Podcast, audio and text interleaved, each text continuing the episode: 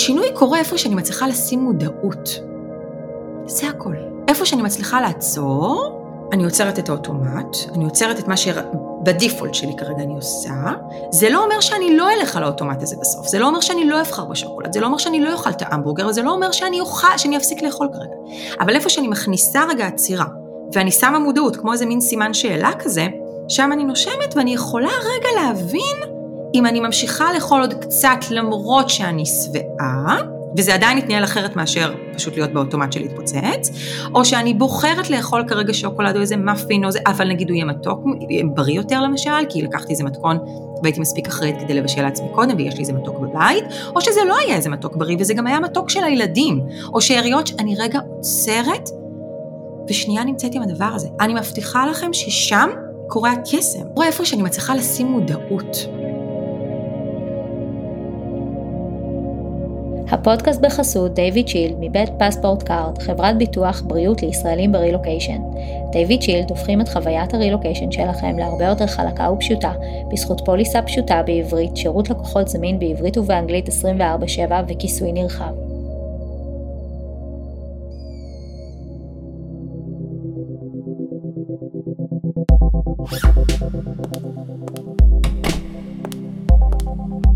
מסע הרילוקיישן יכול להיות עמוס באתגרים, אין ספור חוויות והתמודדויות. אני אביה טרכטינגוט, מאמנת נשים ואימהות לרילוקיישן ומערכות יחסים. אימא לארבע עולמות, נשואה לאבי וגרה בדאלאס טקסס שבארצות הברית.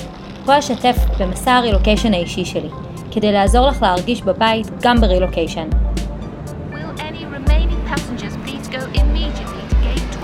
כי רילוקיישן זה בלב. היי יוש וברוכים וברוכות הבאות לפרק נוסף ברילוקיישן זה בלב. היום אני מארחת את uh, גל המהממת, שהיא רילוקיישנית בעצמה, גרה בסן דייגו, ואנחנו הולכות לדבר על תזונה, אבל לא באמת על תזונה, על משהו שהוא קצת מעבר לדבר הזה, בהקשר גם של החיים שלנו ברילוקיישן, גם בהקשר של החיים שלנו כבנות אדם, גם בהקשר של המציאות שאנחנו נמצאים בה כרגע, שיש אה, מלחמה מאוד מאוד אה, קשה אה, בישראל. אז היי יושגל. היי, איזה כיף להיות כאן. תקשיבי, אני ממש ממש מתרגשת. אני שמחה שבאת, איזה כיף שבאת. אני אשמח אם תציגי את עצמך. אוקיי, אוקיי, אוקיי. אז, אז אני גל, ואני בת 36. ויש לי שלושה ילדים ואפילו אה, גורה, ממש אה, פאפי, קטנה, בת ארבעה חודשים, ואנחנו גרים בסן דייגו ואני בדיוק אה, כמוך משפחת כזה רילוקיישן או אימא רילוקיישן כזאתי, ובמקצוע שלי אני נטורופטית, ואני כבר ארבע שנים בעצם מנהלת דבר שנקרא מועדון, שזה בעצם פשוט בית כזה מלא, מלא, מלא, מלא, מלא מתכונים, בריאים, מאוד מאוד לייזי אגב, זה כזה מאוד לא להנביט, למרות שעכשיו האמת, קטע, אני כן מנביטה עדשים ברגע זה, במטבח. אגב, אנשים עושים מהנבטת עדשים big deal, זה לא big deal. זה, זה לא big deal בכלל, אבל תמיד אני אומרת שכאילו אני נורא נורא אוהבת כזה, תזונה נורא נורא נורא קלילה ו-lazy, ואני כאילו נורא, תמיד אומרת, רגע, להנביט עדשים זה כאילו, זה, זה לא זה, או זה לא חייב להיות רק זה. זה כאילו באמת צריך להיות מלא מלא מלא מלא ב-shortcuts כאלה. אז אני מאוד אוהבת אכילה בריאה, מגוונת, עצלנית, ואני מנהלת את המועדון, וחוץ מזה אני אוכלת אינטואיטיבית בעצמי, והאמת היא שזה אה, משהו שאני מאוד אוהבת לעשות, פשוט להפוך נשים אחרות לאוכלות אינטואיטיביות, שאנחנו כנראה הולכות להרחיב על זה אה, בגדול בפרק של היום. אני רוצה שנייה רגע להבין מאיפה הגיע בעצם, א', הצורך הזה ללמוד אה, נטורופתיה, וגם בכלל הגילוי הזה של אכילה אינטואיטיבית, לפני שאנחנו נסביר מה זה אכילה אינטואיטיבית, אבל כאילו מאיפה זה הגיע בכלל הצורך?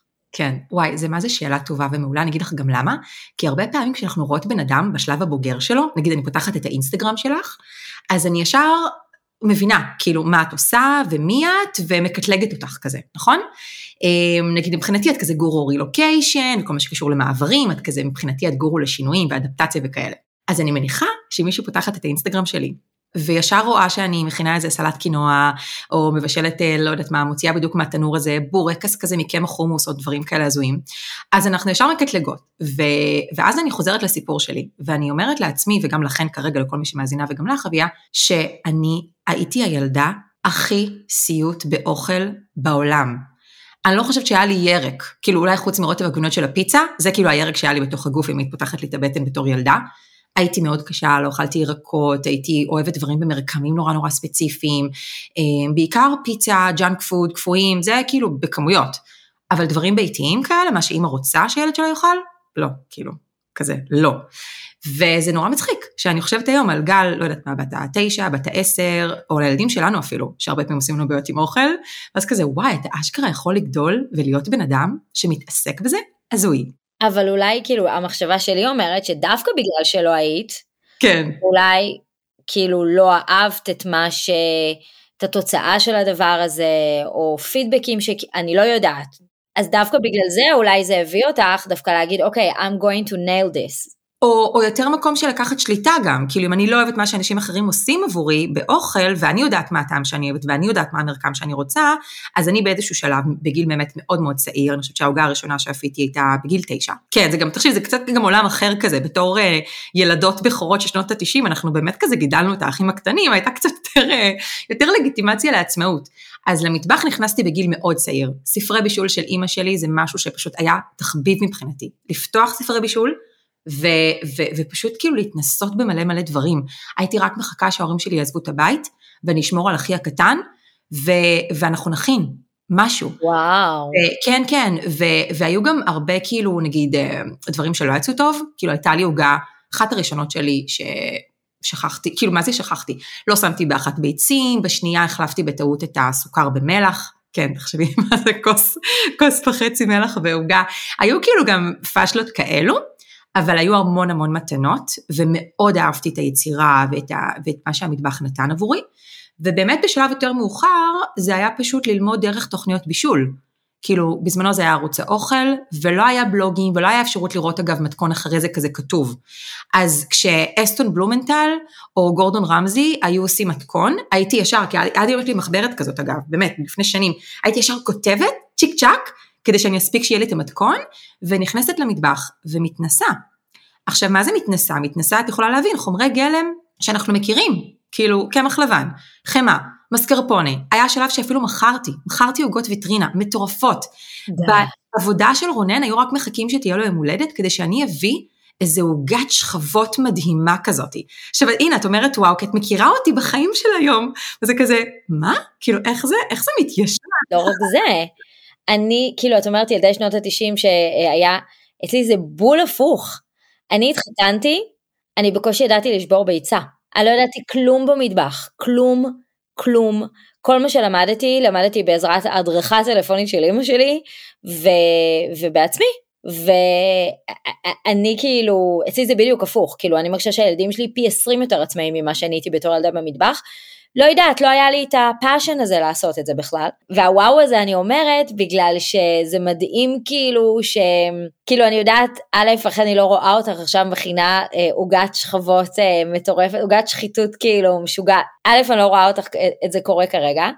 אה, וב' כאילו זה, זה מדהים שאת גידלת את עצמך בעצמך להגיע לכאלה רמות של ביצוע, זה מאוד מרשים. כן, מאוד אהבתי את המטבח, אה, ושוב זה גם איזה מין שילוב כזה של passion וגם גם אני מרגישה שלא הייתה כל כך ברירה, שוב כזה גידלתי את אחי הקטן והוא רצה אוכל, וכאילו לא, וכל מה שהיה זה היה קפוא, ואם היינו רוצים לייצר במטבח לקבל איזה צלחת מגוונת, איזה טעימה, אוכל של מסעדות כזה בבית.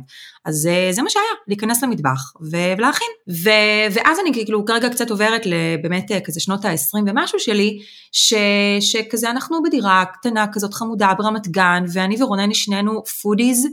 של החיים. אנחנו כל היום על רשימות, על מה המסעדה הבאה שצריך ללכת אליה, ואיזה מנות שווה לטעום, והייתה לי מכונת פסטה בבית, וכאילו כל מה, ש... כל מה שאנחנו מארחים, באמת זה אוכל שכאילו החייך מתרגש והכל הומייד והכל מושחת והכל שמנת וחמאה וקמח לבן וכאילו טה טה טה כזה. ו, ו, ואני חושבת לעצמי גם היום, כאילו, מה, מה באמת גרם לי כאילו לשים את כל זה בצד ולעבור להכין סלטי קינואה, כאילו איזה מהפך מוזר זה. וכשאני חושבת על אותם רגעים, אני חושבת שלא היה איזה רגע, כי לא היה משהו דרמטי שקרה בחיים שלי באותה תקופה שאמר, היי, כאילו stop, בוא, בואי נפסיק ונשנה כיוון, אבל אני כן יכולה להגיד לך שהיה לי איזה דיסוננס פנימי, כי בסך הכל הייתי בחורה רזה, אה, בריאה, צעירה, ו, ו, ולא הייתי חולה, אבל היו לי כל מיני סימפטומים שהיום אני חושבת לאחור, אמרתי, אוקיי, זה לא חולי, נכון, זה לא את הולכת לרופא על זה שקצת כואב לך ראש, שאת עייפה כל היום, כאילו זה לא, זה, זה משהו ברור, אבל אמרתי לעצמי, מה, באמת? באמת כאילו ככה הגוף שלי מרגיש?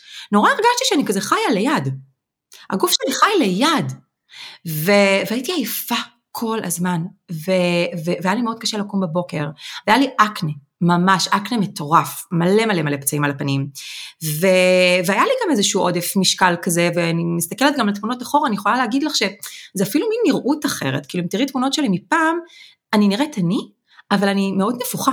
גם רונן האמת בתמונות, אנחנו נורא היינו פאפים כאלה, כנראה מעומר פחמימות כזה. והיו לי הרבה דברים כאילו הורמונליים ושחלות פוליטיסטיות, ו... והייתה לי חוסר סדירות ויסטית ממש של חודשים שיכולתי לא לקבל וסת. אמ, אז כאילו דברים, שוב, אני אומרת לך עכשיו דברים שכל מי שמאזינה יכול להגיד, וואלה, כן, כאילו, אני יכולה להתחבר לזה, וזה באמת לא מצב של בריאות אופטימלית אולי, אבל זה גם לא חולי. ולי זה לא הספיק. ושם התחילו בעצם לעלות שאלות של, ככה זה אמור להיות? כאילו, ככה הגוף שלי אמור להרגיש? אני לא בטוחה שעל זה אני רוצה לחתום.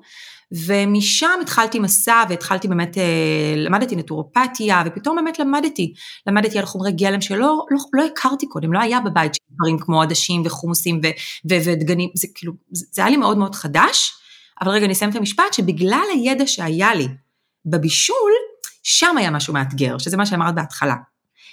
פתאום אמרתי, רגע, אם אני יודעת להכין עוגה מדהימה, איזה קרנס שמרים מטורף כזה מ-300 גרם חמאה, וברור שזה טעים, בואי נראה אותך גל, לוקחת קינוע וקמח חומוס, אלוהים ישמור מה זה הדבר הזה, ושמן קוקוס, ועושה דברים מאוד מאוד טעימים מזה. ושם היה אתגר, ושיחקתי מלא במטבח, וזרקתי מלא אוכל, היו דברים מאוד מאוד מזעזעים ברמה של לא אכילים, אבל לאט לאט לאט כשהכרתי את חומרי הגלם האלו, פתאום התחילו לצאת מתכונים שאמרתי, וואו, כאילו אני גם יכולה להרגיש ממש ממש טוב, ובאמת הפידבק היה ממש טוב, ירדתי במשקל, האור שלי השתנה, הנראות שלי ממש ממש השתנתה, רמת האנרגיה שלי השתנתה, אני בן אדם סופר אנרגטי היום, ו... ואמרתי, אוקיי, ואני גם לא מרגישה חוסר, כי טעים לי, ומגוון לי, ומאתגר לי, וכיף לי, אז כאילו, I nailed it כזה, ככה הרגשתי. כן, אבל השאלה שלי היא כזאת, לכי כמה צעדים אחורה. איך ידעת בכלל לעשות את הקשר בין האוכל לתופעות הפיזיולוגיות שחווית, הפיזיולוגיות שחווית. כאילו לא כל אחד, את בטח גם משהו שצריך להיאמר פה, שאני לא יודעת אם כל אחד מודע לזה, אבל כל המאכלים האלה, יש להם בעיקר סוכר, יש להם אה, אלמנטים אה, ממכרים. וזה נורא נורא קשה לעשות כזה shifting, זה ממש אה, אה, גמילה.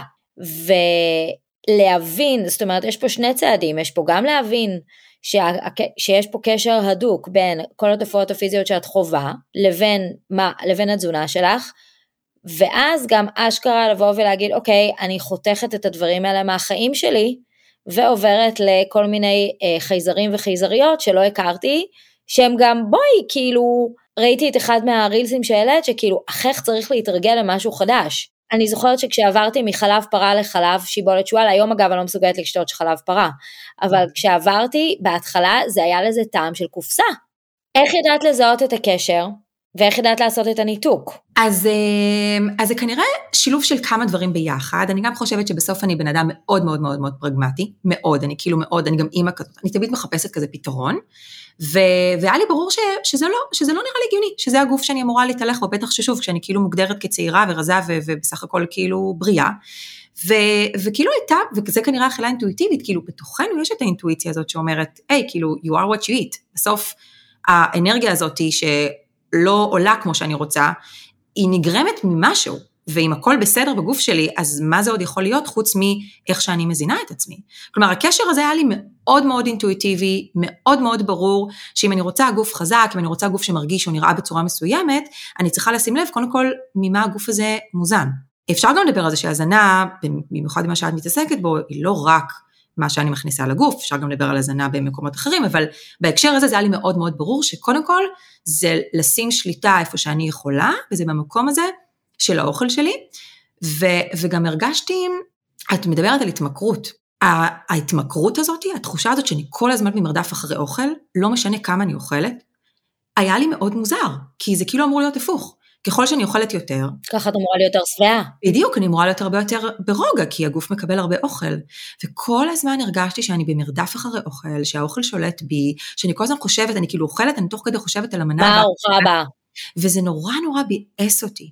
ו, ובסוף הייתה גם שאלה, שאני חושבת שהיא שאלה מאוד מאוד מהותית עבורנו, אה, מעבר לבאמת מה, באיזה גוף אני רוצה להתהלך וכל הדברים הפיזיים או התזונתיים. למה אני כאן? כאילו, זאת, זאת, זאת שאלה מבחינתי מעולה לשאול. למה אנחנו כאן, אביה? מה, מה הסיפור? כאילו, זהו? זה להביא ילדים ולהתרבות? הנה, עשינו את זה. אז, אז, מה, אז מה ההמשך? ואני חושבת שאם אני, כשעניתי על השאלה הזאת בתוכי, התשובה הייתה ליהנות. כאילו לחיות את החיים במקסימום, לממש את עצמנו, בכל מיני תחומים.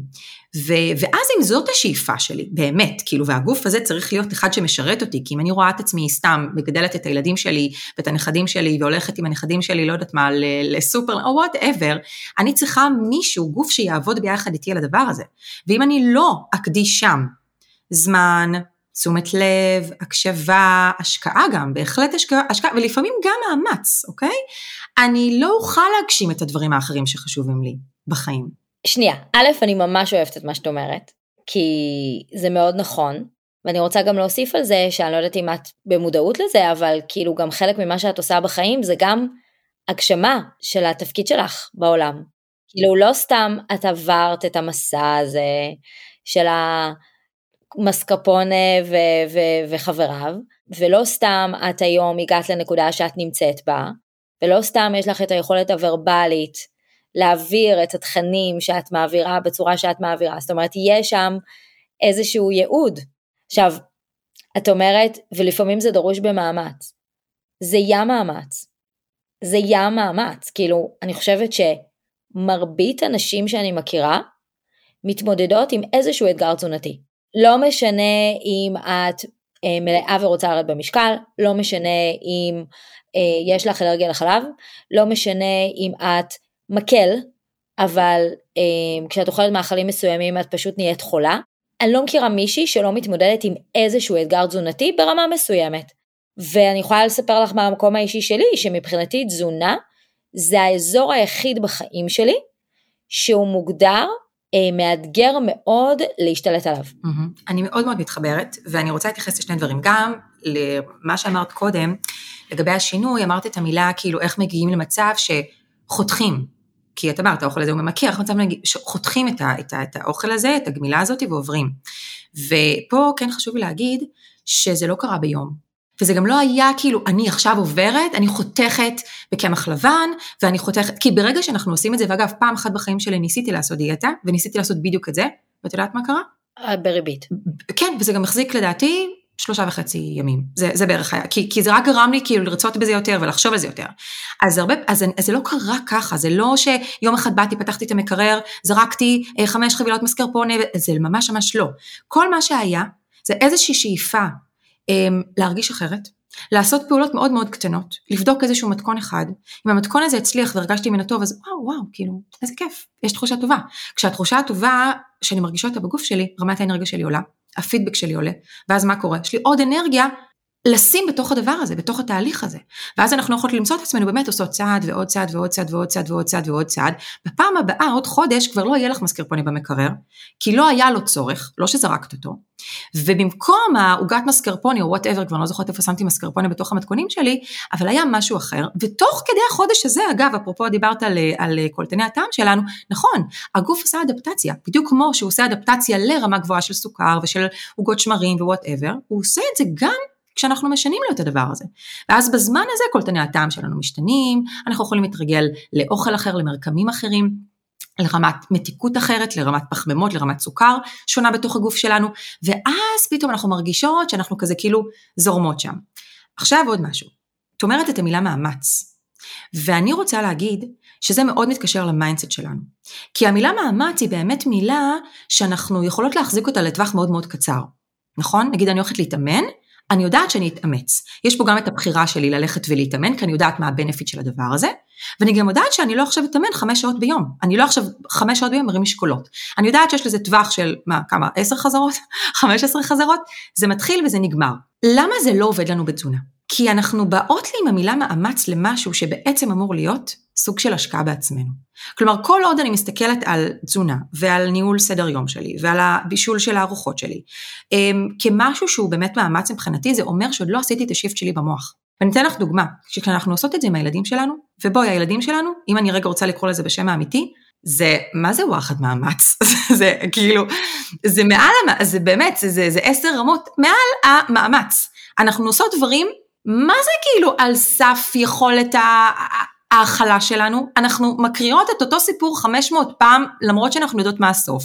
אנחנו מבשלות להם, באמת, לכל אחד לפעמים גם משהו אחר, העיקר שיאכלו. אנחנו מבשלות ומחפשות עבורם, ובאמת, תח, בואי, אנחנו אוכלות שם? זה לא תפקיד לא, פשוט. ילדים, ילדים זה הרבה עבודה, בוודאי. זה הרבה עבודה, אבל אנחנו לא באות, עכשיו זה בסדר גם לקטר לפעמים, וסבבה, אני אעשה את זה מלא עכשיו, אני בתקופה מאוד קשה עם הקטנה שלי, אבל בסוף, מבחינתי, ברגע שאנחנו אוהבות את הילדים האלו, והבאנו אותם בסך הכל מבחירה שלנו, לא כל דבר שאני עושה, לא רק תפקיד, אני אפילו רואה את זה כהשקעה. כשאני מאכילה אותו כמו שצריך, אני בעצם משקיעה בעתיד שלהם, נכון? וכשאני מקריאה לילד שלי סיפור, או שאני יושבת איתו על שיעורי בית, או שאני לוקחת אותו לחוגים שלו, אז אני בעצם משקיעה בילדים שלי. כלומר, כל מה שמשתנה כאן, זה איך אני מסתכלת על מערכת היחסים הזאתי. מערכת היחסים שלי עם האוכל שלי, עם הגוף שלי, היא לא מאוד שונה ממערכות יחסים אחרות בחיים שלנו שהן מאוד מאוד חשובות לנו, כמו הילדים שלנו והזוגיות שלנו וההורים שלנו והחברות שלנו וכולי. זו, זו, וואו, א', זו חשיבה שהיא mind blowing. אני כן רוצה רגע שכאילו עוד רגע נתקדם גם לכיוון של מה זה אכילה אינטואטיבית ונקשר את זה רגע גם ל-relocation ולמלחמה. אבל משהו שאני יכולה לשתף פה זה שאני אה, סובלת מצרבות. אולי זה קצת TMI, לא יודעת, מי שמרגיש לו שזה TMI אז אני מתנצלת. זה משהו, זה, זה, זה, זה מתנה גנטית שקיבלתי ואני אה, התחלתי עם זה בהריונות. אה, וזה הפך למצב שכאילו ככה אני מגלה שאני בהריון, בעזרת הצרבת. זאת אומרת לפני שאני עושה בדיקת דם, אם אני, כאילו כשהייתי במשקלים יותר נמוכים אז ה, ה, ברגע שאני, יש לי, אני פשוט יודעת שאני, שאני, כאילו זה הדרך שלי לדעת שאני בהריון. במהלך כל ההריונות הייתי סובלת מצרבות בצורה מזעזעת, אה, ברמה של אה, כדורים והכל, ו, ו, ועכשיו כאילו אני באופן כללי סובלת מצרבות כבן אדם. ואני יודעת בדיוק, אני, יש מאכלים שאני רק רואה אותם, וכאילו, ונהיה לי צרבת. זאת אומרת, זה ממש... אה, ובמפגש האחרון אצל התזונאית שלי, היא אמרה לי, תקשיבי לי, עזבי הכל, המשקל שלך לא מעניין אותי, ההיקפים שלך לא מעניינים אותי. הצרבות שלך מציקות לי. כאילו היא אמרה לי, הייתי רואה אותך ברחוב, מבחינתי את נראית מיליון דולר, זה בכלל לא המראה. יש פה עניין בריאותי שעלול להתפתח למשהו מאוד לא בריא. והמשפט הזה שלה פתאום עשה לי כזה מין, כאילו יש פה ממש mindset של צורת חשיבה, שאנחנו כאילו, אנחנו כן דור שגדל, מדברת על ידי שנו, אנחנו כן דור שגדל על לכי לחדר כושר כדי שתהיי רזה, כמה קלוריות את שורפת, כמה קלוריות יש בחבילה, כי לה לה לה לה לה. זאת אומרת, אנחנו גדלנו על המונחים האלה לגמרי, על אני חייבת ל, ללכת ל, ל, לעשות ספורט כדי להיות רזה, אני חייבת לסתום את הפה. אני עושה כאילו, כאילו, פרפ... עושה לזה כאילו, זה ביטוי. לסתום את הפה כדי שאני לא אשמין. זה ממש כאילו, ויש פה ממש mindset תודעתי שצריך להחליף אותו. חד משמעית, חד משמעית, וכשאת אומרת את הצרבות האלה, ואני מבינה שהפוקוס שלך יותר בפוקוס של מבחינת משקל וזה, ופתאום התזונאית שלך נתנה לך איזושהי הערה פנימה, לגבי איזשהו סימן, כאילו לגבי איזושהי תקשורת של הגוף שלך, שהיא לא רק על ידי המשקל, פתאום יש עוד סימנים. ומה שלי עולה, זה כאילו, אביה, למה את מתקשרת? למה, למה את מתפשרת על עצמך? כאילו, כשאם הילד שלך עכשיו היה בא ואומר, תקשיבי, כואב לי הראש, יש לי צרבת, או משהו לא עובר לי בגרון, או כואבת לי הבטן, אנחנו ישר היינו כאילו, וואי, בוא, בוא נראה מה, מה, מה עושים עם זה. היינו הולכות לרופא, היינו מבטלות את כל הפגישות כרגע ושמות את זה בנאמבר 1, כאילו ברמת התעדוף שלנו, וכל הזמן גם בקשר ובאות ושואלות אותו ודואגות, ומנסות לראות בעצמנו איזה אוכל שאנחנו מבשלות גורם לאותו ילד לצרבת, וכשזה מגיע לגוף שלנו, ולתזונה שלנו, ולתקשורת שלנו עם הגוף שלנו, יש לנו איזושהי נטייה, כאילו זה, זה, לא, זה, לא, זה לא מספיק חשוב. וזה ה mindset שצריך להשתנות, כי בסופו של דבר, כשאת בשיא שלך, מרגישה טוב עם עצמך, פיזית, זה בסדר גם שאחד הערכים יהיה ערך של אסתטיקה, זה בסדר לרצות להרגיש שאת נראית טוב ולהגיע לשם, זה בסדר גמור, אבל כשאני בשיא שלי, כשאני מרגישה טוב, כשכיף לי להתלבש, שאני אנרגטית, שאני מרגישה שאני חיה. כי בסוף לחיות בגוף טוב זה להיות חיה כאן. זה לא ליד, זה לא בערך, זה לא אולי יום אחד, זה אני פה ואני חיה ואני חשובה לעצמי. זה אנרגיה שעוברת לכל מי שמסביבך, למאזינות שלך, ללקוחות שלך, לילדים שלך, לבעל שלך, להורים שלך, זה התדר שאת מעבירה לעולם, וזה כל כך חשוב, אני לא מתפשרת. אני החלטתי עם עצמי אביה, אני לא מתפשרת, יש לי גם את המחירים שלי, אמרתי לך, ומאמץ לא צריך להיות משהו שהוא, אמ, שהוא מתמשך מדי, או שהוא, זה לא, זה לא זה.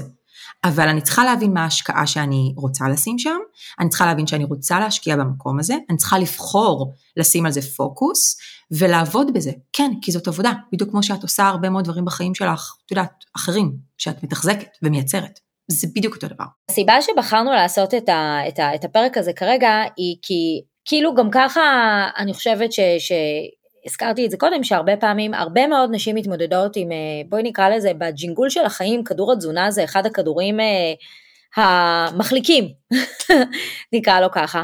ואני יודעת להגיד לך, גם מהניסיון שלי, ממתאמנות שלי, ממה שאני רואה מהסביבה שלי, מחברות שלי, שהכדור הראשון שנפל לכולנו, והוא אה, להרבה מאוד מאיתנו עדיין ממשיך, הוא במדרון מאוד אה, חד, אה, החל מה-7 באוקטובר זה כדור התזונה.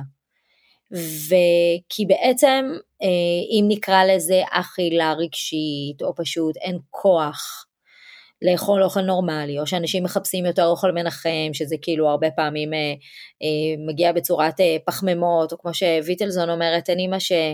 אין אימא שרע לה, יש אימא שהיא רעבה, או משהו כזה, כאילו, אם לא טוב לי, פחמימה לי, או כל מיני משפטים כאלה. ואני חושבת ש, ש, כשאת באת אליי עם הרעיון, סליחה, של האכילה אינטואיטיבית, שזה משהו שאני חייבת להגיד לך שזה זה, זה משהו ששמעתי עליו מזמן, אבל כאילו, תמיד מה שלי עבר בראש זה כאילו, סבבה, באינטואיציה שלי בא לי שוקולד עכשיו, איך? מעולה, I like it. באינטואיציה שלי לא בא לי קמח חומוס, כאילו בואי, to be honest. זה סטייל אגב גם חיים רק פעם אחת, אז מה את מכניסה לי קינו, אז תני לי לאכול מה שאני רוצה ובאיזה כמות שאני רוצה, זה כאילו די על אותו, אותו רצף. נכון. עכשיו, כשאת באת אליי עם הרעיון הזה, אמרתי, אוקיי, יאללה, מעניין, יש פה איזה משהו, שזה בעצם איזשהו רעיון נוסף, אה, שכן חשוב לי לתת אותו פה, כי זו הזדמנות שנייה לפתוח, לפתוח איזשהו צוהר לעולם, שלא כולם נמצאות אליו בהאזנה, ב state of mind הזה שאנחנו מדברות עליו כאן. אז אני כן אשמח אם תסבירי מה זו אכילה אינטואיטיבית, וגם את הפרקטיקה של הדבר הזה. אז אכילה אינטואיטיבית זה בסוף אכילה שמתבססת על מנגנונים פיזיולוגיים של רעב ושל שובע. כלומר, תחשבי גוף האדם, הגוף שלך, וגם מאוד קל לראות את זה אגב על תינוקות ועל הטודלרים שלנו, שהם יודעים לסמן מתי הם רעבים, אגב, סוד, אבל תינוק לא ישר מתחיל לצרוח, יש כמה סימנים מקדימים, כי צרחה של תינוק זה קצת כמו שהבטן שלנו כבר ממש ממש מקרקרת, וכאילו הגוף ממש בלחץ כזה, והוא גם יודע להגיד מתי הוא, מתי הוא שבע. נכון? זאת אומרת, תינוק בתור התחלה, אם זה שד, הוא יתק, למרות שעד לפני רגע חלב אם זה היה עוגת השמרים שלך, זה היה כאילו פאי הלימון שלך, זה הדבר הכי טעים בעולם. וגם הטודלרים עושים את זה מאוד מאוד יפה, הם גם יודעים להביע יותר טוב שהם רעבים, ו- ו- ואז הם כזה דוחפים את הצלחת, או במצב אה, טודלרי קלאסי כזה זורקים את הצלחת לאוויר, ו- ו- ופשוט מודיעים לך, היי, hey, אני סיימתי, עד הפעם הבאה. כלומר, כל אחת שמאזינה לנו כרגע, וגם הגוף שלך אביה, נולדנו עם היכולת הזאתי אמ, לאכול כשאנחנו רעבות, או יותר נכון שהגוף יאותת לנו כשהוא, שיש לו איזשהו צורך, והצורך הזה מתבטא בתחושה של רעב, ואז תוך כדי שאנחנו אוכלות, הגוף בעצם מגיב גם לכמות וגם ברמה הורמונלית לאוכל הזה, שזה בדיוק כמו שאמור להיות, והוא מתחיל בעצם לאותת לך בתחושה של שובע.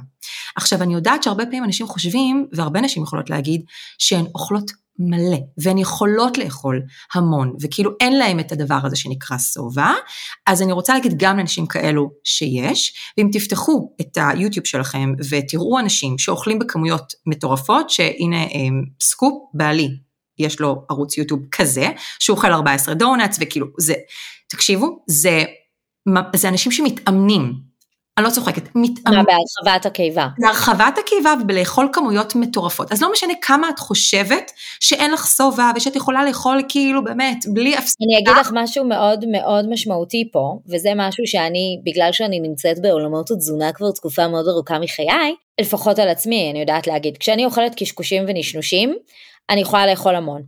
כשאני אוכלת ארוחה טובה ומזינה, אני נסתמת מאוד מהר. וזה, גם make sense, כי בעצם הארוחה, אני מקבלת, הגוף קיבל את מה שהוא זקוק לו, והוא אומר, אוקיי, אני done. וכשהגוף לא מקבל את מה שהוא זקוק לו, ופשוט יש פה עניין של כמו למלא מיכל, ברגע שהמיכל הצליח להתמלות, זה לא משנה, החומר שאת מזינה אותו יהיה פחות איכותי, ולכן יידרש ממנו יותר. בול, אז באכילה אינטואיטיבית, אמ, אנחנו בעצם מקטלגות אה, סוגים של רעב, כי המטרה היא קודם כל לזהות את הרעב, בכלל לזהות שאנחנו רעבות, אפשר גם ממש לדבר על איזה סימנים יש לנו כשאנחנו נהיות רעבות, אמ, אבל אז אנחנו רוצות להבין איזה סוג רעב זה. ואז גם להבין מה באמת רמת הרעב שלי, כי רמת הרעב שלי בשמונה בבוקר היא לא תמיד אותה רעב, רמת רעב של ארבע אחר הצהריים או של שמונה בערב. וכשאנחנו מדברות על סוג רעב, אז אני אוהבת לקטלג את אה, סוגי הרעב לחמישה סוגים. הרעב הראשון זה רעב פיזיולוגי, זה רעב באמת של יותר של כמות, של מקרונוטריאנטים, אני יכולה לאכול נגיד אה, עוף ואורז לבן, ופיזיולוגית אני באמת אהיה שבעה, כי קיבלתי פה פחמימה וקיבלתי פה חלבון, והכמות הייתה כמות בסך הכל טובה, ואחלה. צריך להבין שרעב פיזיולוגי זה גם רעב של שתייה, ולכן אנחנו כן צריכות לשתות לאורך כל היום, כי הרבה פעמים אנחנו יכולות באמת שהרעב יהיה רעב פיזיולוגי, אבל למרות, אבל אכלנו, ואז בעצם הצורך כאן הוא כן יותר צורך של שתייה. הרעב השני זה בדיוק הרעב שדיברת עליו עכשיו, זה רעב נוטריאנטי. זה כשאנחנו אוכלות את האוכל, שהוא, כן, אכלנו, אבל לא באמת קיבלתי סיבים תזונתיים, ואת הקוסמים של האוכל, ככה אני קוראת לזה, ומינרלים, וויטמינים, ואת כל באמת השפע המטורף הזה. תחשבי שקצת כמו מקרו ומיקרו nutrients, או רעב פיזיולוגי מול רעב נוטריאנטי, זה קצת כמו קיר, שהרעב הפיזיולוגי, המקרו-nutrients, הכמות זה הלבנים, נכון? זה כזה ה basic, זה כזה מה שבסוף אני בונה איתו את הקיר, אבל הרעב הנוטריאנטי הזה, כל ה nutrients זה, זה הדבק, זה המלט, זה מה שמחבר את הקיר ובסוף בונה את זה ביחד. ולכן כשאנחנו אוכלות, אנחנו צריכות לשים לב גם באמת אמ, למענה פיזיולוגי וגם למענה נוטריאנטי. חוץ מזה יש לנו גם רעב שהוא רעב אה, מנטלי. זה רעב מאוד מאוד מעניין כי זה בעצם רעב של חוסר. מה זה חוסר? זה חוסר גם שעכשיו אביה עושה משקיעה בתזונה שלה, והיא כרגע שמה על זה פוקוס, ואז התזונאית שלה, לא ספציפית התזונאית שלך, אבל סתם בכללי, אמרה לך שממש כדאי לך לאכול סלט. ואת יודעת גם בעצמך שכדאי לך לאכול סלט. ואת יושבת לארוחת ערב, ובעלך אוכל מה שבא לו, ואת אוכלת סלט. והאמת שלא ממש כיף לך, ואת לא ממש נהנית. אז נוצר פה איזשהו, איזשהו רעב כזה של כאילו, ממש של פומו, של חוסר, כמה זמן אפשר להחזיק את הדבר הזה? אנחנו אנשי חופש, חברים, אנחנו אנשי חופש. וההקשר השני בהקשר של רעב נוטריאנטי, של החוסר הזה, זה באמת מערכת האמון שלך מול הגוף שלך. כלומר, ככל שאת מצליחה יותר לבסס אמון, וזה אומר שהגוף שלך מאותת לך בתחושות רעב, ואת מצליחה לתת לו מענה, או אפילו להרגיע אותו ולהגיד לו, היי hey, חמוד, אני שמה לב שאתה רעב, ואני הייתי כל כך אחראית וכל כך מדהימה, שאתמול כבר הכנתי לי את ארוחת הצהריים והיא מחכה לי במקרר. מה הגוף שלך באותו רגע אומר? אפשר לנשום. אז זה רעב נוטריאנטי וזה רעב שאנחנו צריכות לבנות אותו לאורך זמן, גם לוודא שטעים לנו וגם בעצם לבסס את אותה מערכת אמון. כשאת בעצם אומרת את זה, את מתכוונת לזה שבעצם הגול, הגוף מקבל מענה לרעב בזמן. נכון. מענה, עכשיו מענה בזמן, חשוב להגיד, זה לא מענה באוכל. זה לא עכשיו אני רעבה ואני באותו רגע עוזבת את כל החיים שלי ואני פותחת אוכל בדיוק כמו אגב שתינוק למשל לא יודע לעשות. כשהוא עכשיו רעב הוא חייב לאכול עכשיו. אבל אני כן יודעת לתת מענה. ממש כמו ילד שרוצה עכשיו בבוקר אה, לפתוח את הבוקר שלו אה, חצי שעה למסך. או, או רוצה עכשיו על הבוקר לפתוח איזה שקית של איזה ממתק ואת כאילו צריכה לתת מענה. את לא יכולה, את לא יכולה להתעלם כי הוא יצרח. אבל את יכולה להגיד לו, תשמע, בוא, בוא ננהל את זה, כאילו בוא, בוא נבין, אולי תחזור מהבית ספר ואז אנחנו נראה את המסך. הוא יקבל את המענה שלו, בסדר? אז זה ברמה יותר של... מענה רגשי קוגנטיבי? כן, מענה של אני, אני רואה אותך ואני יודעת שכרגע אתה רעב, ואז אני גם מבינה מה רמת הרעב שלי, ואני יכולה להבין אם כרגע, אם עכשיו אני בפגישה, ואני איתך, וכרגע אני מרגישה שאני רעבה. לא באותו רגע אני אגיד לך, אביה, בואי, stop, אבל אני כן יכולה לתת מענה ולהגיד, רגע, אני מבינה, אני מזהה שאני רעבה, זה כבר, אגב, רק שרואים בכלל, שאני רואה אותך, כבר באותו רגע יש איזושהי רגיעה. כי, כי, כי מישהו רואה אותו, ואז אני יכולה להגיד, אוקיי, אני עוד חצי שעה מסיימת, עוד שעה אני מסיימת, ואז אני אבוא ואני אכין אוכל, שאני, או שאני אחמם לעצמי את האוכל וכולי. שוב, זה רעב נוטריאנטי. רעב נוסף זה רעב של הרגל, זה רעב מאוד מאוד נפוץ, וזה רעב הרבה פעמים שמתקשר גם לאירועים חברתיים ולכל מיני הרגלים שמקושרים לנו עם אוכל. אמ, למשל טלוויזיה, אוכל, סרט, פופקורן, ארוחת שישי, אוכל, אמ, כל מיני דברים כאלו, אוקיי? הרבה פעמים בתור ילדים, מאמי טיים כזה או זמן עם אימא או אבא, זה ישר מקושר לנו לאוכל, ואז הרבה פעמים בגילים מאוד קטנים אנחנו כן עושים את הקישור הזה בין משהו מאוד מאוד טוב וכזה, וואו, אני עם אימא שלי עכשיו לבד, למאכל, לפחמימה, למשהו מתוק, אנחנו לרוב לא אוכלות, לא אוכלות ללכת לאכול איזה סלט, אנחנו לרוב נאכל גלידה או משהו כזה, וזה בסדר, פשוט צריך להבין שזה ההקשר שהגוף שלנו, שהמוח שלנו פשוט עושה בגיל מאוחר יותר. והרעב האחרון זה רעב רגשי. והוא באמת הרעב כנראה המורכב ביותר, גם בגלל שאוכל באופן תמידי מחבר, מחבר בתוכו כאילו גם, גם דברים שקשורים לרגש, וככה זה יהיה. אם אני רגע אומרת לך מה זה אוכל בשבילך, או אביה, מה זה אכילה בשבילך בכלל, את לא תגידי לי שאוכל זה רק נוטריאנטים, ואוכל זה רק חומר. את תגידי לי שאוכל גם מבחינתך זה אימא שלך אולי, או האימא שאת רוצה להיות, ואולי אוכל זה גם ודאות, אפרופו מה שקורה עכשיו, ומשפחה, וישראל, ומה שאכלנו בישראל, והרבה הרבה מאוד תחושות רגשיות שאנחנו, שזה מתלווה לנו בתוך המקום הזה שנקרא אכילה, וכשאנחנו פוגשות אוכל. כי לאוכל פשוט יש, יש גם את הפרשנות, והפרשנות היא גם, היא גם אצלנו. כן, אבל אני, אני כן יכולה להגיד אבל שהרבה פעמים יש אנשים שאוכל מבחינתם זה ממש פולחן. אני נגיד בן אדם שבמהות שלי, אני, זה לא שאני לא צריכה לאכול, אני אוכלת, קלירלי אני לא בן אדם שלא אוכל, אבל כאילו אוכל זה לא בסדר. כאילו, אני כן בררנית באוכל, יש המון דברים שאני לא אוכלת, אבל אוכל זה לא איזה עכשיו לא יודעת, אני לא תאוותנית לאוכל, אני לא יודעת אפילו איך להסביר את זה, כאילו, אני, יכולה, אני מכירה מקרוב, כאילו, ממש כאילו, אוכל זה ממש אה, התעסקות, זה ממש, כאילו, החיים סובבים סביב האוכל, זאת אומרת, לא בהכרח מישהו שהוא בהכרח מלא או גדול, החיים ממש סובבים ממש אני רואה אנשים שנולדים עם זה. יש, תראי, בסוף, תראי, גם התינוקות שלנו, כולם, אמרתי לך, כל התינוקות שלנו, וגם אנחנו היינו אוכלות אינטואיטיביות כשנולדנו, אבל אה, יש לך כמה ילדים, את יכולה לראות שכל אחד אוכל, אבל הוא אוכל בצורה אחרת, נכון? יש תינוק, יש תינוק שיונה כל ארבע שעות, והוא רגוע, טוב לו. ויש תינוק שיונה כל שעה, ויש ילד ש, שאוכל מלא, באמת, ומה שאני לא נותנת לו אוכל ובכמויות, ויש ילד שהכל בסדר אצלו, אבל הוא אוכל פחות. כלומר, כולנו אוכלים, כולנו מזינים את עצמנו, אבל אנחנו שונים ברמת הכמות וברמת ההתעסקות באוכל והעניין באוכל, וצריך לדעת לקבל את זה, ולהפך, דווקא לתת לזה מענה. כי את מתארת בן אדם שאם אתה מאוד מאוד פודי, אם את מאוד מאוד פודי ואוכל ו, וריגוש באוכל, והחייך שלך הוא חייך כזה ענין טעם וזה חשוב לך, דווקא את, כשתעברי לאיזה תפריט נורא נורא גנרי כזה, ברור שהשבירה תהיה מאוד מאוד כאילו מהירה, כי, כי, כי כמה אני יכולה להחזיק את זה, אני לא נאמנה למה שאני באמת לצורך העניין. אני, אני מאוד כזאת, אני לא, אני מקנאה באנשים שיכולים לאכול לארוחת ערב סתם אורז טונה וסלט. מעולם לא הייתה לי ארוחה כזאת, אני לא יכולה. כאילו ארוחת ערב, אני, וואי, אני צריכה שזה יהיה, איזה מרקם אני צריכה, מה בא לי, איזה, בא לי אסיאתי, בא בא, בא לי חריף, בא לי, כזה. כאילו, זה, אני תמיד הייתי כזאת, אמרתי לך, בתור ילדה. אז גם היום אני צריכה לתת לזה מקום, ואם האכילה האינטואיטיבית לא הייתה מאפשרת לי את המקום הזה, היה לי מאוד מאוד קשה, וגם בשבילי זה היה איזשהו כדור שהייתי כנראה מרגישה מאוד מאוד מהר, שהיה נופל לי בין הידיים, אוקיי? עכשיו צריך להבין שהאכילה האינטואיטיבית, אני מדברת על משהו מאוד מאוד basic, כאילו זה, זה הגוף שלנו, הגוף שלך יודע לעשות את זה. ואז אני כאילו אומרת, בואו נשאל את השאלה, מה, מה קרה? כאילו, אנחנו מכירים שתינוקות שלנו נולדים ככה, והטודלרים שלנו באמת אוכלים אינטואיטיבית מצוין. איפה, כאילו, מה, מה, איפה זה מתפקשש? איפה זה נופל, כן. עכשיו, אני חושבת שבגיל, באמת שאנחנו קצת, אנחנו לא טודלרים כבר, ש, שיכולים לעשות מה שאנחנו רוצים ולהרים פה את כל המשפחה כזה לפי התנאים שלנו. יש שלב שאנחנו מתחילים להיות יותר מרצים, אנחנו מתחילים להלביש על עצמנו כל מיני, כל מיני סימנים סביבתיים שבעצם יראו שאנחנו חלק, נכון? ייתנו לנו פידבקים חיוביים על ההתנהגויות שלנו. וההלבשות האלו שאנחנו עושים הן הלבשות גם בהקשר של אוכל, וגם בהקשר של נראות, וגם בהקשר של קישור בין אוכל לנראות. ואני בטוחה שכל מי שמאזינה לי עכשיו, כולל את, אביה, יכולה להעלות כמה סיפורים על דברים שקשורים באוכל, הערות שהיו סביב אוכל, לגבי זה שאת אוכלת אה, יותר מדי, מעט מדי, לא מגוון מספיק. לא אוכלת, לא אוכלת. לא אוכלת. אני עשיתי שלא אכלתי, כן. עכשיו באמת צריך להבין שגם בתור ילדים, אין לנו את השליטה באוכל, כלומר ההורים שלנו הם אלו, הם אלו שמבשלים ושמים את הכמות בצלחת, ואנחנו גם אימהות יהודיות קלאסיות כאלה שאם שמתי בצלחת אני בטח לא אזרוק, נכון? אז לי נאמר, וואי, כמה פעמים נאמר לי את המשפט הזה, את חייבת את חייבת לסיים את הצלחת, ואני ממש יכולה אפילו לתת אה, זיכרון ש...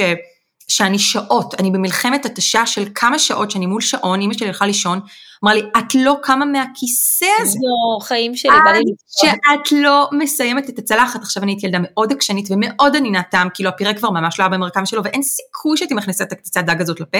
ואני אומרת לך שאני ישבתי שם שעות, וכשאימא שלי התעוררה והבינה שאני, שזה לא יעבוד, אמרה לי, טוב, לכי באיזה מבט. יפה שלא זרקת את זה לפח, אגב, אצלי בטוח. היא לא נתנה לי לקום מהכיסא, אני פחדתי שאני, אסור אלה, כאילו, מבחינתי אני על הכיסא, עד שאימא שלי לא באה, אני על הכיסא, כזה. זה בדיוק המסר שאנחנו מקבלות, כאילו, הכמות ש, שנכונה לי היא לא רלוונטית, ומה אני רוצה לאכול הוא לא רלוונטי כי יש פה מישהו אחר שקובע את זה עבורי.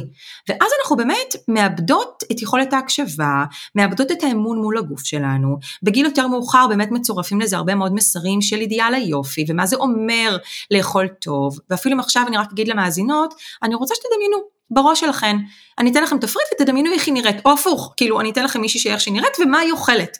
תמיד יהיה איזה קשר כזה בין אני אוכלת ארוחת בוקר של פרוסת um, לחם מקמח מלא עם אבוקדו ועגבניה ו-everything bagel on top.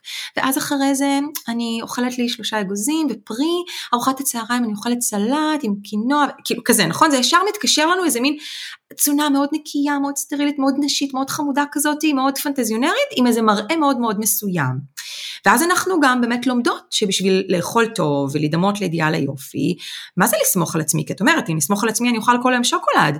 אז אנחנו ניקח תפריטים, ואנחנו ניקח מה אנשים אחרים אוכלים, ומישהו אחר יכתיב לי את הכמות ואת האוכל ואת התפריט, ואז ניכנס גם לקלוריות, ואנחנו ממש מייצרות לעצמנו את הבלגן, את הבור הזה סביב אוכל, וכל כך, אביה, כל כך התרחקנו מהיכולת הבילט אין הזאתי לאכול, ואני אגיד עוד דבר, זה ממש כמו שתקבלי עכשיו תפריט פיפי. אשכרה, תקבלי תפריט פיפי. וכשתלכי לעשות פיפי גם ב-12 וגם ב-2, תגידי לעצמך, אוי אוי אוי, אבל איך, אני, אני עשיתי פיפי בשעה 12, איך גם בשעה 2 יש לי פיפי? או שאם תלכי לעשות פיפי בשעה 9, במקום 10 מיליליטר פיפי תעשי 15 מיליליטר פיפי, וואי וואי וואי, אני עשיתי 15, אני לא בסדר, כי התזונאי פיפי שלי אמר לי שאני צריכה לעשות פיפי רק של 10 מיליליטר. זה מטורף, האמת שזה מטורף, זה מטורף. עכשיו בדיוק לפני ההקלטה של הפודקאסט עלתה לי איזושהי דוגמה שמאוד רלוונטית למה זה אכילה אינטואיטיבית, כאילו, ומה קרה לה עם השנים. את מכירה את זה שיש סרטונים שרואים תינוקות בני כמה ימים, שזורקים אותם למים, הם שוחים. למה הם שוחים? כי הסביבה של הרחם היא סביבה מימית. אבל אז הם גדלים, ואנחנו לא באמת אה, שמים אותם במים, או מקסימום שמים אותם פעם בשבוע בשחיית תינוקות חצי שעה כשהם על הידיים שלנו, נכון? ואז בשלב יותר מאוחר אנחנו מעבירות להם את המסר גם שהם, שזה מסוכן, הם צריכים לשים מצופים, ואז צריך לקחת אותם לשיעורים של שחייה. וכשהם גדלים, והם יודעים, כן, אחרי שיעורים ואיזה מתודולוגיה כזאת של שחייה, הם יודעים לשחות. וזה בדיוק אכילה אינטואיטיבית, נכון? כאילו, הגענו עם זה לעולם, אבל קיבלנו את המסר עם הזמן, ובעצם הפסקנו כבר לפתח את יכולת ההקשבה הזאתי, ולכן נשים אומרות, אם עכשיו זה תהיה האינטואיציה שלי לאכול, אני אוכל כל היום שוקולד. אבל the truth is, שזה, שזה לא. הגוף הוא תמיד לטובתנו, כאילו, הגוף תמיד ירצה מה, ש, מה שיגרום בסופו של דבר לשגשוג שלו, לצמיחה שלו, ככה זה עובד. איך פרקטית עושים את זה? אז, אז בואו נעבור לפרקטיקה באמת, כי, כי חשוב לי גם שאנשים שמאזינות עכשיו יגידו, אוקיי, בא לי, בא לי להיות אוכלת אינטואיטיבית, או יותר נכון, לחזור להיות אוכלת אינטואיטיבית. אמ, ואני כן אגב חייבת להגיד רק משהו אחד לפני שאנחנו עוברות לפרקטיקה, שדווקא עכשיו, בתקופה שיש לנו באמת, וואו, תיק, תיק. רגשי, אנחנו סוחבות פשוט שק של אבנים על הגב שלנו, שכל אבן זה רגש מטורף אחר של אשמה, דיברנו על זה בטלפון, של כעס, של חוסר ודאות, של חרדה, חרדה קיומית, של מלא מלא מלא מלא. עצב, עצב, עצב מאוד גדול. עצב מטורף, דאגה מטורפת. וזה, וזה ממש כאילו כמו נמר שרודף אחרינו עכשיו, מ-7 לאוקטובר אנחנו עם נמר שרודף אחריי כל הזמן, זה רמת הלחץ, זה רמת התגובתיות אגב של הגוף. ולכן דווקא עכשיו, להיכנס למקום של תזונה, ולמערכת יחסים עם אוכל, ולהגיד אוקיי אני רוצה לחזור לעצמי, אבל לבוא עוד פעם למקום של תפריט, שמישהו אחר יגדיר לי מה אני אמורה לאכול בשני ובשלישי וברביעי, באיזו כמות ואיזו קלוריות, ולחשב את האוכל שלי, הדבר הכי לא אינטואיטיבי אגב בעולם, זה עוד תיק. זה כאילו לא רק שיש לי תיק של המלחמה וכל מה שמשתמע, יש לי עכשיו עוד תיק, ואז אני גם אראה את זה כמאמץ, ואיך אני עושה את זה. אבל, אבל, כאן אני רוצה רגע, כאילו, אולי זה מה שאת רוצה להגיד, שדווקא להסתכל על זה בתור תיק, זה, זה מסלול שלא הייתי בוחרת בו, זאת אומרת הייתי בוחרת את זה, ב- להסתכל על זה בתור אוקיי, מה נמצא בשליטתי בתוך הסיטואציה, איך אני לוקחת את השליטה שלי דרך דברים חיוביים ונעימים וטובים לי, ולא דרך סבל, כי בסופו של דבר, אם אני מתמק... נופלת לסם, נקרא לזה ככה, ו... ואני לא אומרת שלא אי אפשר ליפול לשם, כי כולנו בני אדם, אבל אם באיזשהו שלב אני עוצרת, ואני אומרת, אוקיי, רגע, רגע, אני יודעת לעשות סטופר, לשים סטופר לכדור הזה שמתגלגל, ולקחת את השליטה דרך פוקוס. אני קוראת לזה פוקוס. אני, באחד הרילים שלך את נתת לזה איזושהי, אה, איזשהו שם, שיר הסירוב, אז אני מסתכלת על זה בתור פוקוס. שנייה להתפקס. מה מה אני צריכה כרגע? האם אני צריכה את הצרבת, או האם אני צריכה את הנפיחות בבטן, או האם אני צריכה עכשיו להרגיש, אה, לא יודעת מה, בחמש דקות שאני אוכל את השטות הזאת, או שאני יכולה רגע לקחת את הפוקוס ורגע להתאפס על עצמי, ו- ו- ומשהו שקורה כשאת כבר מתאפסת על עצמך זה שכל האגפים מסביב גם מתאפסים. כלומר, כשאני מאופסת תזונתית, אני גם מאופסת בספורט שלי, אני מאופסת בלוז שלי, אני מאופסת בסבלנות לילדים שלי, אני מאופסת בכביסות, בבישולים, זאת אומרת, זה ממש שרשרת, שזה דומינו, זה אחד מפעיל את השני. ממש, ממש, ממש. אז קודם כל, אני רוצה שכל אחד תשאל את עצמך בהקשר, בהקשר גם של מה שאמרת עכשיו, על התיק הזה, גם מה ריאלי עבורי. כשאני אומרת אל תיכנסי עכשיו לתפריט עם, עם, עם איזושהי, עם הגבלות נורא נורא ספציפיות, אני אומרת שזה תיק, כי אני מרגישה שזה לא ריאלי עבור אף אחת מאיתנו כרגע, שגם ככה מנהלת הרבה מאוד חזיתות במקביל.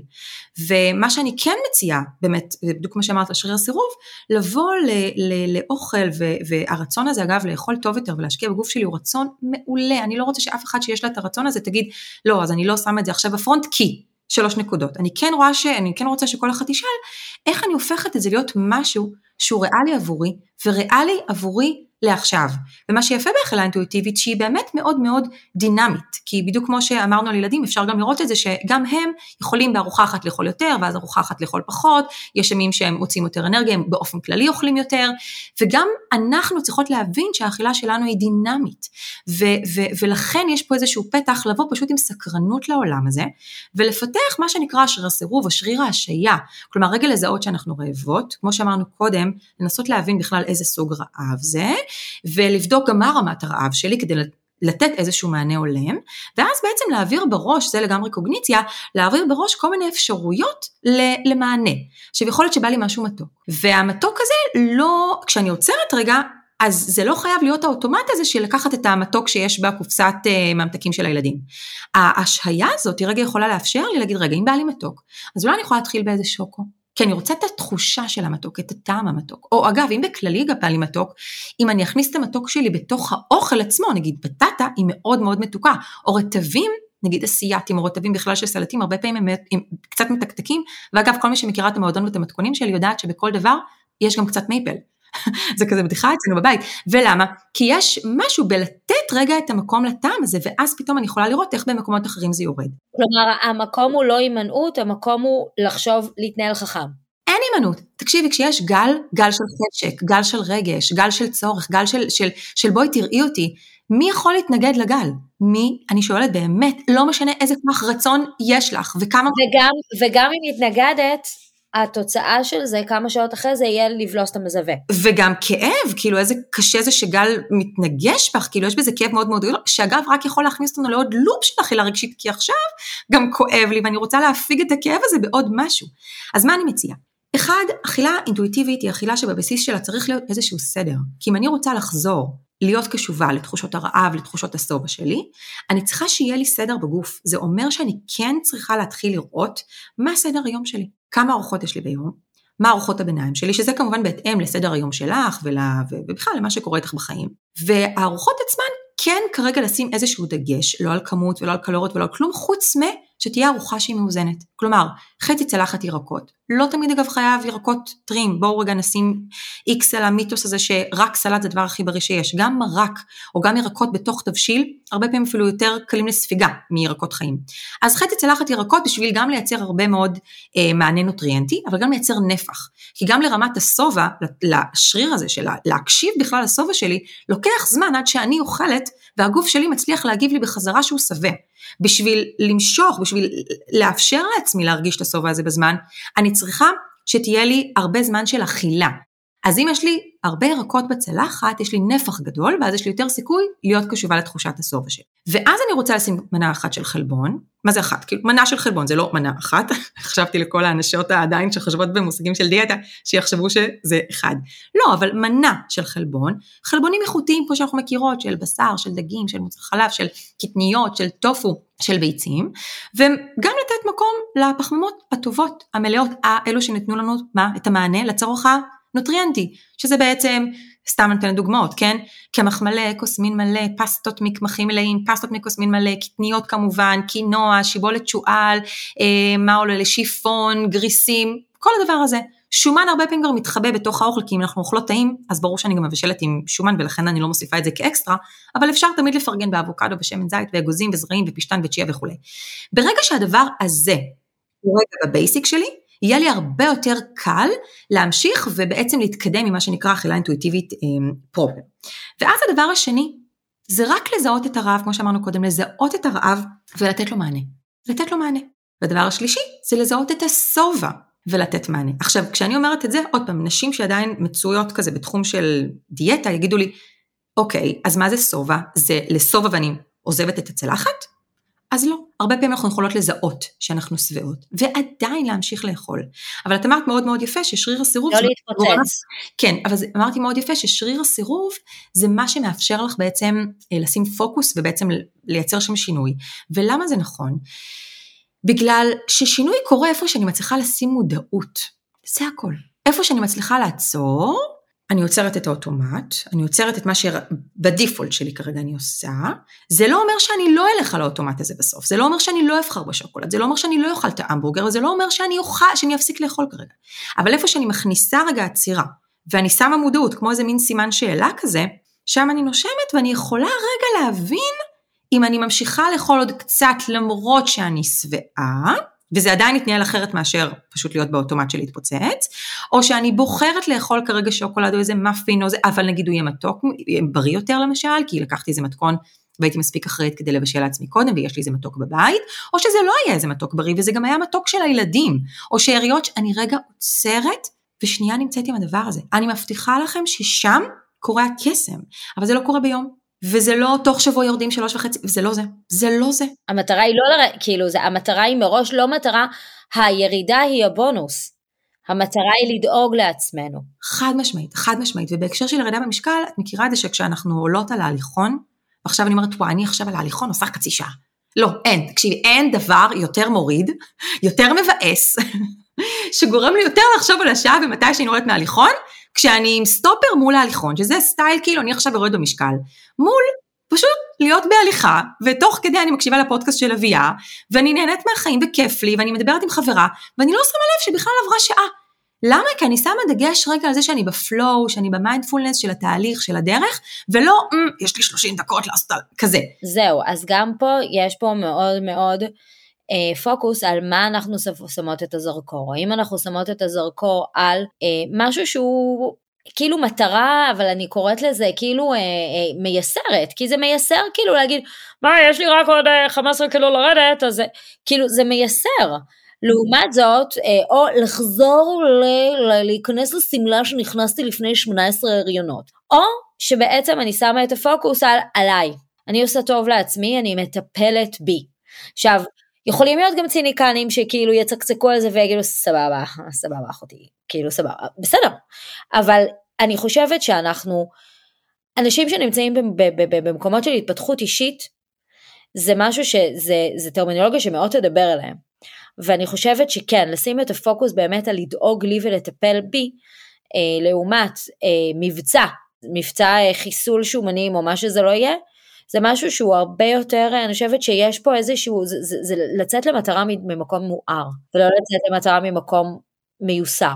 גם חשוב להגיד שבסוף, כשאני רואה שם את היעד, וזה חשוב לראות את היעד, כי בסוף בוא, אנחנו כאן, אמרתי, אפשר, להפך, בעיניי כל המקום הזה של אכילה אינטואיטיבית זה דרך לבטא את החופש שלנו, שזה מי שאני רוצה להיות. שוב, באיזה גוף אני רוצה להרגיש, מה השאיפות שלי בחיים, איך הגוף הזה משרת את, ה, את אותם שאיפות לצורך העניין. אבל בסוף, בסוף הפעולות שלי, מול פעולות של בן אדם שיוצא כרגע למסע ואומר, אני רוצה לרדת את החמש קילו האלו, הפעולות הם לא לא היו מאוד מאוד שונות, אם אנחנו כן פועלים, שוב, תחת איזושהי גישה ריאלית כזאת של, של אכילה, כן, לא להרעיב את עצמי או לא לספור פלורות או משהו כזה. אז רק הפוקוס רגע, אם אני שמה את הדגש על הפעולות שאני עושה, ואני מפדבקת את עצמי כל הזמן, שזה משהו שאנחנו ממש לומדות באכילה אינטואיטיבית, אפרופו הצרבות שלך, וגם פידבקים טובים לצורך העניין שאנחנו מקבלות מאוכל, ומתקדמת בעוד פעולה ועוד פעולה ועוד פעולה ועוד פעולה, או שאני בלחץ על זה שאני כבר צריכה להגיע ליעד הסופי, ומה קורה עם זה, ומה זה, אוי אוי אוי, ועכשיו עליתי במשקל, למרות שפשוט סתם אתמול אכלתי בערב יותר, וזה פשוט נוזלים, ואז אני כאילו בבאסה. זה פשוט רק הדרך שבה אני מתנהלת, אבל היעד, בואי, היעד בסוף הוא אותו יעד, ואפילו יותר מזה אני יכולה להגיד לך, שכשאני עושה את ההליכה שלי בכיף, ואני מתמקדת ב- ב- בדרך, ואני מתמקדת רק בפעולות שמקדמות אותי, ואני עוברת מפעולה לפעולה ומרגישה את האנרגיה הזאת עולה, הרבה פעמים, בגלל שזה כל כך כל כך נכון, אני, אני אפילו אצליח יותר, כי אני כן אצליח לשמור על הדבר הזה, ולהפוך להיות השינוי הזה, אוקיי? בתוכי, גם בגוף, אבל גם ב mindset. ואז אני כבר, זהו, את כבר לא אביה שרוצה לאכול בריא, את כבר אביה שאוכלת בריא, את כבר אביה שעושה ספורט, את כבר אביה ששותה מים. ושוב צריך להגיד שזה תהליך, ושום דבר לא קורה ביום. וואו, לגמרי, לגמרי, לגמרי, לגמרי. אמ, זה ממש חשוב, לכן גם לדעתי שווה להיזהר מכל מיני כאילו הבטחות שנמצאות שם בחוץ, כי בסוף קל מאוד להפיל אותנו רגע כנשים בפח בהקשר הזה, כי אנחנו תמיד מחפשות בפנים להיות האידיאל הזה. כל אחת, ברור, הייתה רוצה עכשיו להיות עם גוף של גל גדות, אבל הגוף של גל גדות, גנטית, הוא באמת אחוז נורא נורא קטן באוכלוסייה. לרובנו יש איזשהו משקל יעד מסוים, לרובנו יש אולי איזה בטן קטנה כזאתי, את יודעת, או גדולה, אבל יש איזושהי בטן, ויש צלוליטיס, ויש כאילו דברים נורא נורא נורא נורא נורמליים, וכש, וכשאני מבינה שכל מה שאני יכולה לעשות זה פשוט to do my best, אוקיי? ו, ו, ו, וזהו, אז, אז אחלה, אז, אז אני, אני לא אלך מחר גם לאיזה, לא יודעת מה, לאיזה משהו שיבטיח לי קוביות בבטן, כי believe me, לא יהיו לי קוביות בבטן, אני ממש סבבה עם זה. אבל כן תהיה לי בטן חזקה שאני מרגישה איתה טוב, מבינה? זה כאילו ההבדלים. ובנימה אופטימית זו, אנחנו נסכם. תודה רבה גל. אנחנו סוגרות פה כמעט שעה, וואו, של uh, שיחה באמת מאוד מעניינת על אכילה אינטואיטיבית, על הסתכלות, על לשים את הפוקוס שלנו בסיטואציות שהן אה, מאתגרות, החיים מאתגרים כרגע. Uh, לדעת על מה לשים את הפוקוס ולהבין שוב שגם פה יש לנו בחירה, לא תמיד הבחירה הזאת קלה, ולא תמיד זה נעשה ב... מה זה, תמיד, אף פעם זה לא נעשה בהינף יד ובשנייה. תודה רבה שחלקת מהידע שלך ומהזמן שלך. בכיף, ממש ממש נהניתי. תודה יקירה, תודה רבה רבה.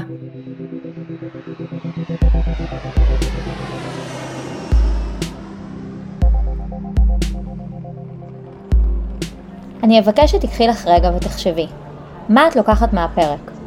תרגישי חופשי לשתף אותי בתובנות ובמחשבות, כמו גם לשתף חברות שיכולות להתערם מהפודקאסט. תודה רבה, וניפגש בפרק הבא של רילוקיישן זה בלב.